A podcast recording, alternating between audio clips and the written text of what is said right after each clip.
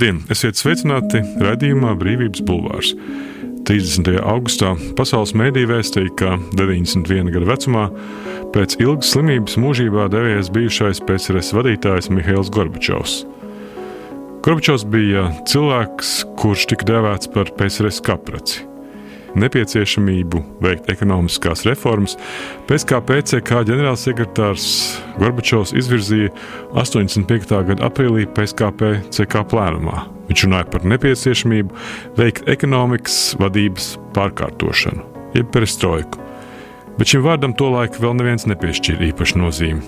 Taču 86. gadā tas kļuva par lozungu, lai apzīmētu veselu laikmetu kopumā.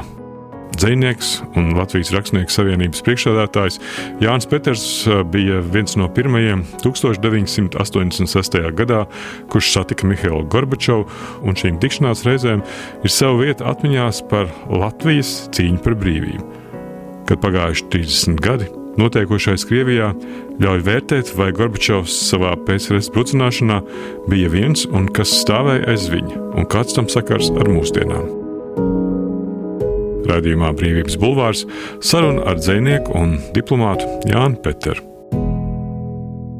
Viņam pārmet trīs lietas. Viņam nevarēja piedot viņa zelta brilles, tādas um, inteliģenta brilles. Viņa nevarēja piedot alkohola trūkumu organismā, kas bija nākamajam prezidentam. Un viņam nevarēja piedot to sievas klātbūtne visur blakus, visur blakus. Nu, kā mēs zinām, rietumos tieši tā notiek. Nu, Amerikas Santo valsts prezidents visur brauc ar roku rociņā ar savu kundzi. Visi. Nu, nu, tie tādi lietas, kā Krievijā viņi nemīlēja, tāpēc arī. Bet cik lielā mērā nu, viņš bija vientuļš tajā visā savā procesā? Taču... Es domāju, ka viņš bija ļoti vientuļš, bet viņš bija arī pats vainīgs jo viņš visus atgrūda. Jakovļevs, kurš bija ļoti labs mans draugs, kuram es šeit arī sarunāju visu pie Visotska grāmatu, krēsli, ja, izdevu. Jakovļevs raksta, ka Gorbačovs ielūdz, piedāvāja speechwriter grupai uzrakstīt runu, un viņi trīs, četras dienas kādā vasarnicā baigi sviedros rakstīja, tad viņš pats ieradies, izlasījis to runu, viss iznīcinājis, izsvītrojis, sācis runāt, un viņš vispār viņam tas piemīt. Es ar viņu esmu runājis 5-6 reizes, un viņš ārkārtīgi ātri aprauj to sarunu. Tāpēc arī viņš bija vientuļš, ka cilvēki, arī viņa tie kolēģi augstākie, kas tur bija riņķi, acīm redzot, zināja, ka velti viņi runā, viņš tūlīt viņus pārtrauks. Stipri egocentrisks cilvēks. Надо что-то же было предложить, то, чтобы от жизни шло, а не просто для галочки, чтобы как-то, так сказать, все прошло. Потихоньку, что ли. Вот первое, мы все-таки коллективно в стране выстрадали политику съезда. Мы ее предложили, и так мы почувствовали, что люди ее приняли. Jānim Petram ir nozīmīga loma 20. gadsimta 80. un 90. gadu sabiedriskajos procesos. Viņš bija Latvijas Padomju Rakstnieku savienības valdes pirmais sekretārs un viens no Latvijas tautas frontes līderiem un dibinātājiem. 90. gadu sākumā ir aktīvs politiskās darbības periods. Pēc Latvijas neatkarības atjaunošanas viņš kļūst par diplomātu, bija Latvijas Republikas valdības pilnvarotais pārstāvis Maskavā no 1991. gada līdz 92. un ārkārtējais un pilnvarotais vēstnieks Krievijas federācijā līdz pat 97. gadam. Viens eh, no stāstiem ir, ka jūs bijāt viens no cilvēkiem, eh, kurš bija pirmais no Latvijas, kurš satika Gorbačovu vispār. Nu, es nevaru atbildēt, vai es biju pirmais. Es neesmu, man tādas statistikas nav. Eh, droši vien, ka pirmie bija kādi mūsu partijas, eh, Latvijas kompartijas darbinieki, nu, Gorbanovs varbūt. Pugo, es nezinu, par to es nezinu, bet es viņu satiku tā neformāli. Man bija kā brālīgās republikas rakstniekam jāuzstājās Gorkijā pie viņas vakarā. Aizmirsu, cik tie gadi Gorkijam bija pagājuši kopš Gorkijas dzimšanas. Un sagadījās tā, ka lidmašīnas nokavēšanas dēļ Dailas teātrī, Hātā saucamajā, ja, man bija jārunā pēdējiem. Bet mani uzveda uz skatuves tajā pirmajā daļā, prezidija daļā, ja, kurā jau sēdēja, nu, kā jau jubilejas svinēja padomu laikā ar, ar svinīgo daļu, ja, runāšanu. Mani uzveda uz skatuves, apsēdināja un pačukstēja. Имейте в виду, в президиуме сидит Михаил Сергеевич. Nu, labi, es mazliet tā kā satrūkos, bet, nu, apsēdos. Un sakarā ar visu to manu nokavēšanos, man deva vārdu pēdējam. Teicu runu Gorkija piemiņai, biju stipri aptvēris, kas sāk notikt. Tas bija 86. gads, jauno partijas kursu reformas. Un runāja apmēram tādā garā, nedz kaut ko ekstra es tur pateicu, bet tā es nekad nebūtu runājis, nedz Brežņeva, nedz, nedz Hrušova laikā. Pieminēja arī slaveno disputu starp Gorkiju un Neņinu, un Tūlīt aizvērās priekškars, lai sāktos otrā daļa, tas ir izrāda Naģņē. Kāpēc man aicināja? Tāpēc, ka Gorkija eh, lūga Naģņē, tas ir dibenā, tāds neveikls tulkojums, bija uzvesta Krievu teatrī, un Gorkijs bija šeit bijis, tāpēc tāda saita kaut kā, ja. Uzreiz Gorbačovs pienāca man klāt, tikko priekškars aizvērās, skatuves strādnieki sāk būvēt skatuvi, laist no debesīm visādas eh, dekorācijas, no griestiem, no šņorbēniņiem saucamiem, ja? Un Mihails Sergejevičs man prasa uzreiz, tavarišs Peters saka, man ļoti patika jūsu runa, pareizi, vajag diskutēt pat ar Ļeņinu tā revolucionāri tā laika izpratnē. Es biju mazliet sabijies atkal, es tāds bailīgs, un uh, viņš teica, vai jūs lasat Savietskajā Rasija? Es teicu, nē, es nelasu. Rasija bija tāds republikas laikraksts, tā kā bija Savietskajā Latvija, Savietskajā Estonija, Savietskajā Tadžikistan un tā tālāk. Tā bija priekš Krievijas. Un viņš saka, tur ir uzbrukums perestroikai. Un sāk man sūdzēt savus bēdus. Viņš bija nu pat atgriezies no Dienvidslāvijas, no komandējuma. Pa to laiku kādi politbiroja melnsimnieki, domāju, tas bija Ļigačovs, bija sakūdījis kādu profesoru Ņina Andrējevu, lai tā uzraksta pret perestroikas notikumiem. Un viņi uzrakstīja nepastupītas ar principam, tas ir neatkāpties no principiem vai kā. Tīrais uzbrukums. Ja? Nu, viņš man sāk sūdzēties, tagad tādam, es nezinu, glābējam, ko es varēju glābt. Bet viņš jau tā arī nedomāja, ka es tieši glābšu, bet, bet viņam, viņam uh, toreiz bija kurs tuvināties radošajai, saucamajai inteliģencei un uz tās balstīties. To jau viņš arī darīja. Viņa slavu nevairoja nedz Krievijas tauta, ierindas tauta, ja tā varētu teikt, nedz arī rietumos vidējie vai tādi tautas slāņi. Viņa slavu padomu savienībā vairoja inteliģents, kuru viņi dievināja, izņemot kaut kādus melnsimtniekus. Jautājums jā, par to, nu, ja nebūtu bijis Gorbačovs, kas būtu Vai tie procesi būtu tāpat Redz, viņš nevarēja, visa situācija politbirojā, no kura bija atkarīga jaunā vadītāja ievēlēšana, atkarējās no, no, no politbiroja. Un tur paldies Dievam, viņi bija tik āži, ka viņi bija nodzīvojuši šausmīgus gadus. Tas bija vesels panoptikums. Es jau tā neņirgājos, vienalga cilvēki jau bija, bet eh, tik daudz karikatūru un, un, un anekdošu naidīgi ir par to, nu tas bija panoptikums.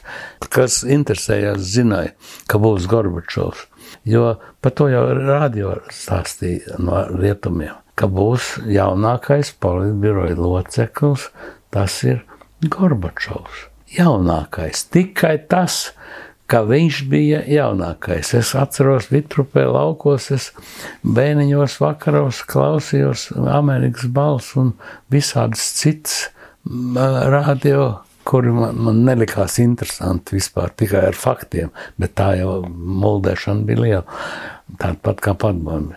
Un kā viņš tapa zināms rietumiem, tikai pateicoties Jakovļevam, kurš draudzējās, kurš, Amerikā, kurš Kanādā bija spiests pavadīt desmit gadus. Ja nebūtu viņa Gorbačovs izpestījis, viņš kā PSRS vēstnieks draudzējās ar Trudo, šī Trudo, pašreizējā Trudo tēvu, kurš toreiz bija premjerministrs kurš katru sēdienas rītu brauc pie vecā trudo uz brokastīm. Viņš izstāstīja Jakoļevs, uzzinājis par Gorbačovu. Trudo savukārt bija izstāstījis Madam Tečerei lielai, eh, lielai fanai Gorbačovu. Viņa jau gandrīz dievināja eh, Gorbačovu, jo Gorbačovs viņai atklājās pilnīgi un sūdzējās par savu ģenerālštābu. Iedomājieties, padomju savienības komunistiskās partijas ģenerālsekretārs sūdzās rietumos par saviem ģenerāļiem. Iedomājieties, ka to darītu eh, Baidens, teiksim, par saviem ģenerāļiem sūdzētos, es nezinu, Putinam, gluži nu nē, bet apmēram, ja. Un Tečer to izplatīja pa visu eliti, nu, pasaules toreizējo tā pasaule uzzināja. Tā, bet tas bija krietni iepriekš. Bet kurā gadā tad jūs pēc tam braucat uh, uz Maskavu, uh, lai Knutam Skujniekam prasītu realitāti? Nu, es, nebraucu, es nebraucu prasīt.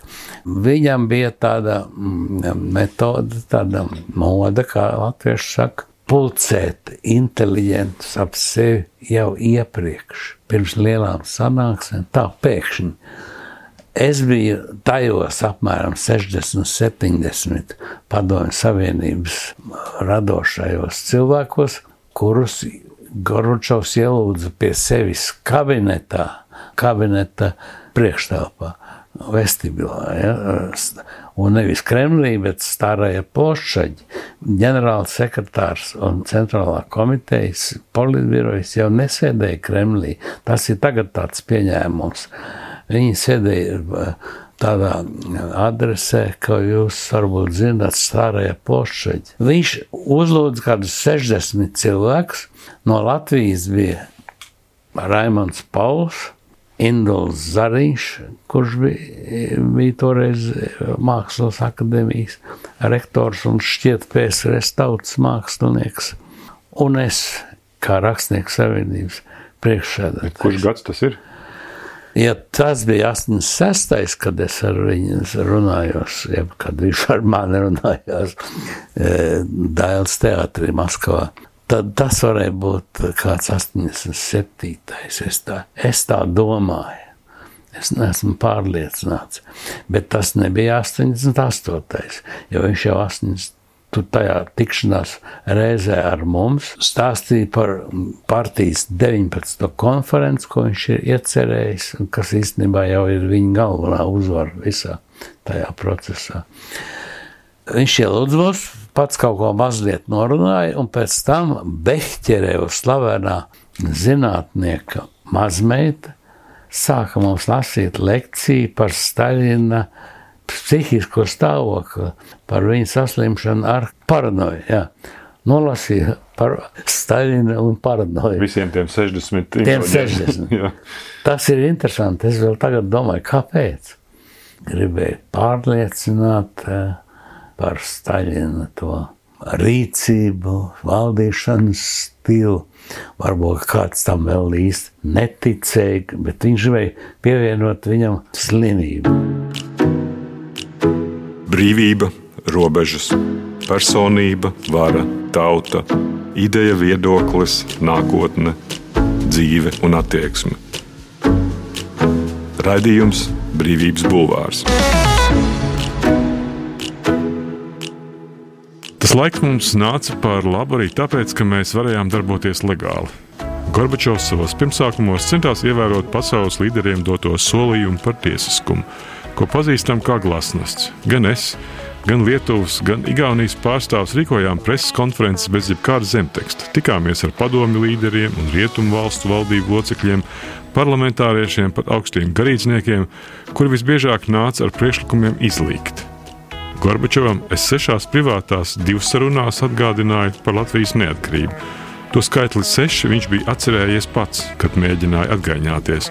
Tā vēlāk savā atmiņā par savu darbu Latvijas vēstniecības pirmsākumos Krievijā rakstīja Jānis Peters. Rakstnieki, komponisti, domātāji uzstājās, bet nežēlīgi uzstājās. Tāda brīvība jau īstenībā Padomu Savienībā nav bijusi, Krievijā nav bijusi, un Krievijā tik ātri arī nekad nebūs, kāda bija Gorbačovs sākuma. Tā saka Trojskis un daudz citi tagad, jā. Jā, jā.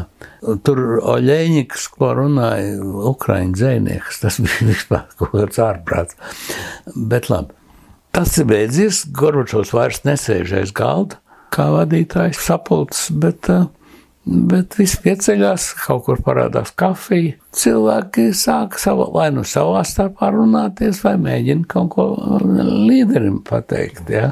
Nu, un es arī tā kā viltīgs labs notēmēju to brīdi, ka nu, nu, viņš ir sekunde vismaz brīvs. Ja? Es tā bieži darīju arī kongresā. Es viņam klāt un saku, Mihails Sergejevičs, rehabilitēt vienu mūsu, formāli rehabilitēt, jo nu jau ir pagājis tik ilgs laiks, kopš viņš ir izciets septiņu gadu Mordovijas cietumā, nometnē, ka vajadzētu viņu, tas amorāli ir, ja, ka viņam ir vēl pase ar, tur bija tāds sērijas, kur varēja robežsargi uzzināt kā viņš ir sēdējis. Ja? Nu, labi, tas ir cits stāsts. Tas bija nekrologā. Un viņš man uzreiz, tā bija viņa metode un ļoti pareizi. Viņš teica, ots tavārišiem pagavariķie. Ja? Nu, viņš jau man tādu pazina. Viņš atcerējās man no tās un sestā gada. Pagaurīts viņam. Un tas bija viņa palīgs, viens no palīgiem, kuram uzvārds ir Čerņājevs. Tāds varbūt ir pamanīts tagadējos memoāros visādos. Ja? Jā, aizķēri, es kaut kad pārskatīju mūsu vecākas sarunas, un jūs citējat Aitmātova darbu pieres vieta.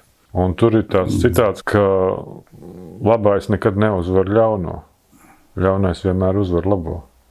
Vai kaut kā tā viņš bija teicis. Dēļ tā ļoti nu, pesimistiski, ka tas svārsta princips vienalga iet atkal atpakaļ pēc kaut kāda nu, laika, un tas ir. Nē, nu es tagad Čingis romānu nespējīgs vēlreiz analizēt. Jā, nu šajā gadījumā, jā, ja mēs piesienam atpakaļ to sarunu pie pievēriem, pie dzīves, tad uh, uzvarēja ļaunais uzvarēja ļaunais taču. Īstenībā no nu, manis nekas nevar sanākt. Tāpēc, ka es atkal un atkal asociatīvi gribu atcerēties to un to un to un to. Ja pa ļauno, nu pa ļauno Vizma Belševics, kur bija normāla padomu dzēniece, varbūt pat ekstrā padomu dzēniece, jo viņa rakstīja ekstrā kompartijai un Staļinam dzējoļs pirmajā krājumā, visu ziemu šogad pavasars, bet kura vēlāk izvērtās tieši par ekstrā pretpadomi dzēnieci, režīmu pretinieci. Viņa 91. gadā mums ar Māru Čaklo, es biju atbraucis uz Rīgu, mēs dzērām kaut kur kafiju un bijām šausmīgi priecīgi. Latvija neatkarīga. Maskavā satriekt viss, viss, viss. Vis banda. Ja? Vēstures beigas. Jā, vēstures beigas. Uz ko vizma, būdam vienmēr tāda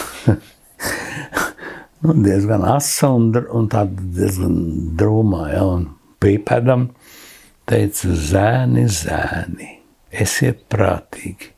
Priekšā ir briesmīgs karš, briesmīgs.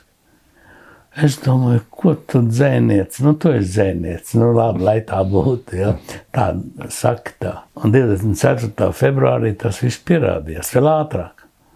Briesmīgs karš. Nu, Bet tas ir pēc 30 gadiem. Jā, jā un mūsu dzēnieci to paredzēja. Viņi to paredzēja. Tāpēc, ka viss šī vēsture, es pat vienā dzēvolī, nu pat uzrakstīju, rādio nolasīju, kad dzēnietis teica, priekšā ir briesmīgi karš, apmēram tā. Tāpēc, ka vēsture sakrāta naidā.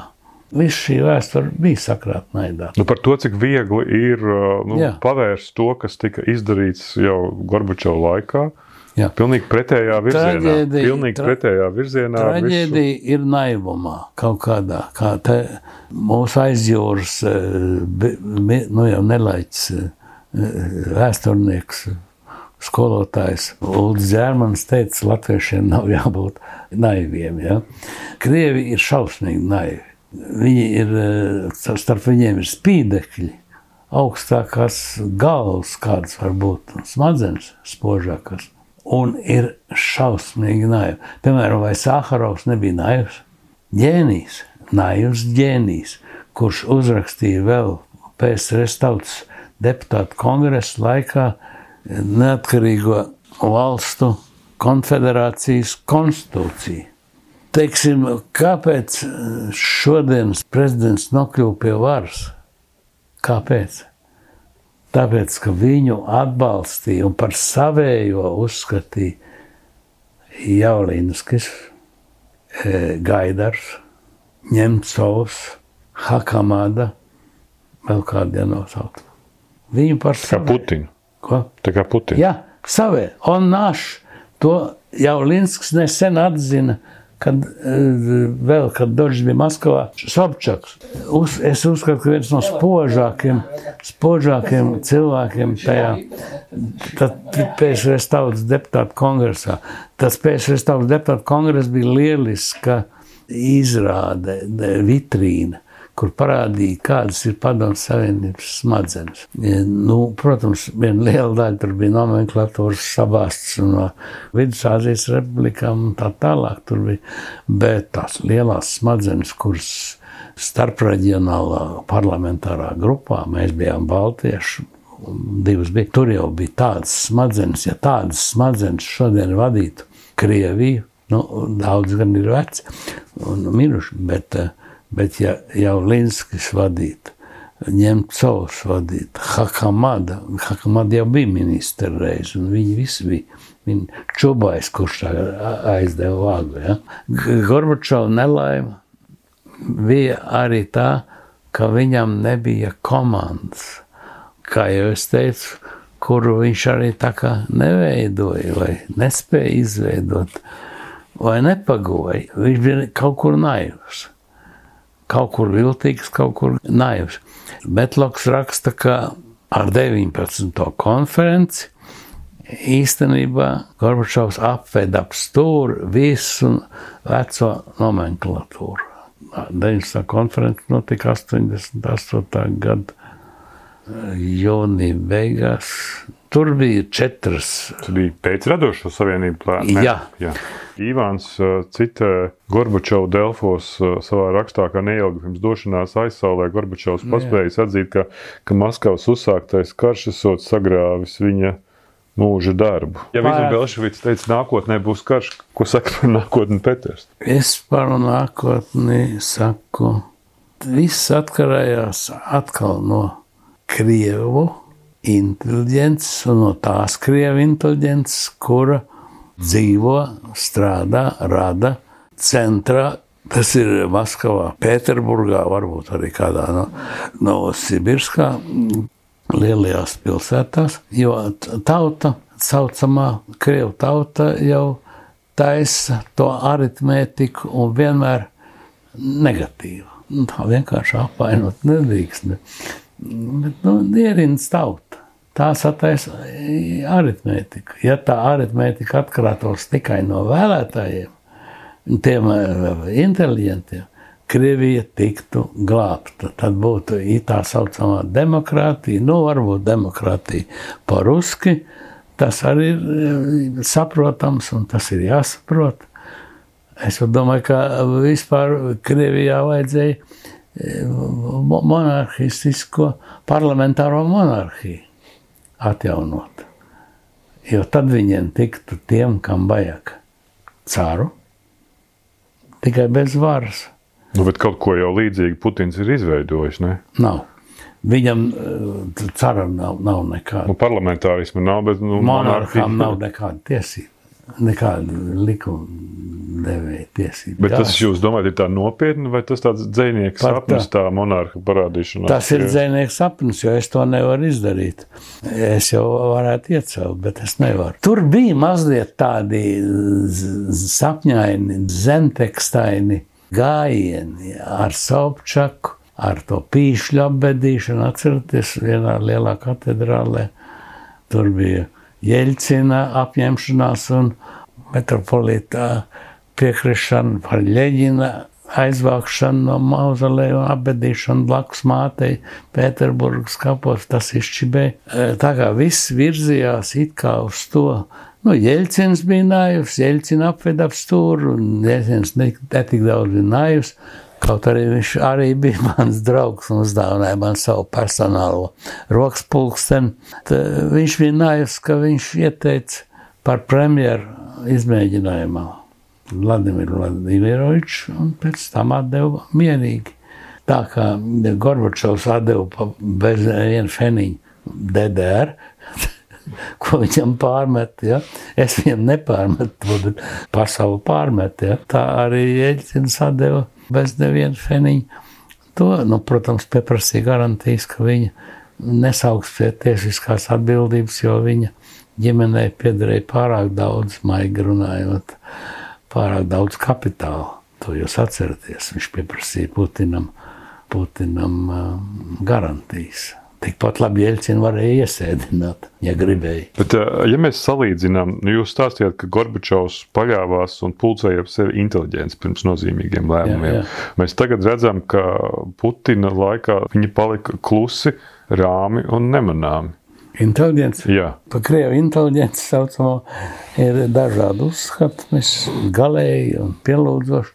Krievu inteliģents viena izklīda, aizbrauc uz rietumiem, otra kļuva lielkrievis reakcionāra, ko viņi nesāja sevi. Es jau toreiz, kad mēs draudzējāmies un pielūdzām Vozņu Jevtušenko, Belahma, Duļinu, Bulatoku, Džau, kad te pulcēja pilnas zāles ne tikai ar krieviem, bet arī ar, ar latviešiem, ja, kad milicija pilnīgi sargāja, lai nesamina publiku citu citu. Jau tad visās pozīcijās viņus atzinu, uzskatīju, ka viņi brīnišķīgi sociāli protestē, politiski protestē, bet vienmēr tā mājās domāju un, un ar baidu runāju. Bet vai tad viņi neviens neredz Krievu eh, dominants šeit un to uzkundzēšanos? Vai tad viņi to nejūt? Viņš par ielām staigā, gāja pat uz veikaliem un dažu tirgu, pat zivis nopirkt. Viņi to kaut kā nejūta. Tas ir lielkrievisms, ko var nosaukt par negatīvu un ko var nosaukt par normālu, par pozitīvu, par patriotismu. Ja vien viņiem nebūtu tā lielā un stiprā bruņotā valsts. Ja tādas viņiem vēsturē nebūtu, tad jau viņi būtu lā, lāga tauta. Nu, viņi- tagad gan ir laikam bruņot, ir, bet spēcīgi nav, kā mēs redzam. Bet spēcīga nav.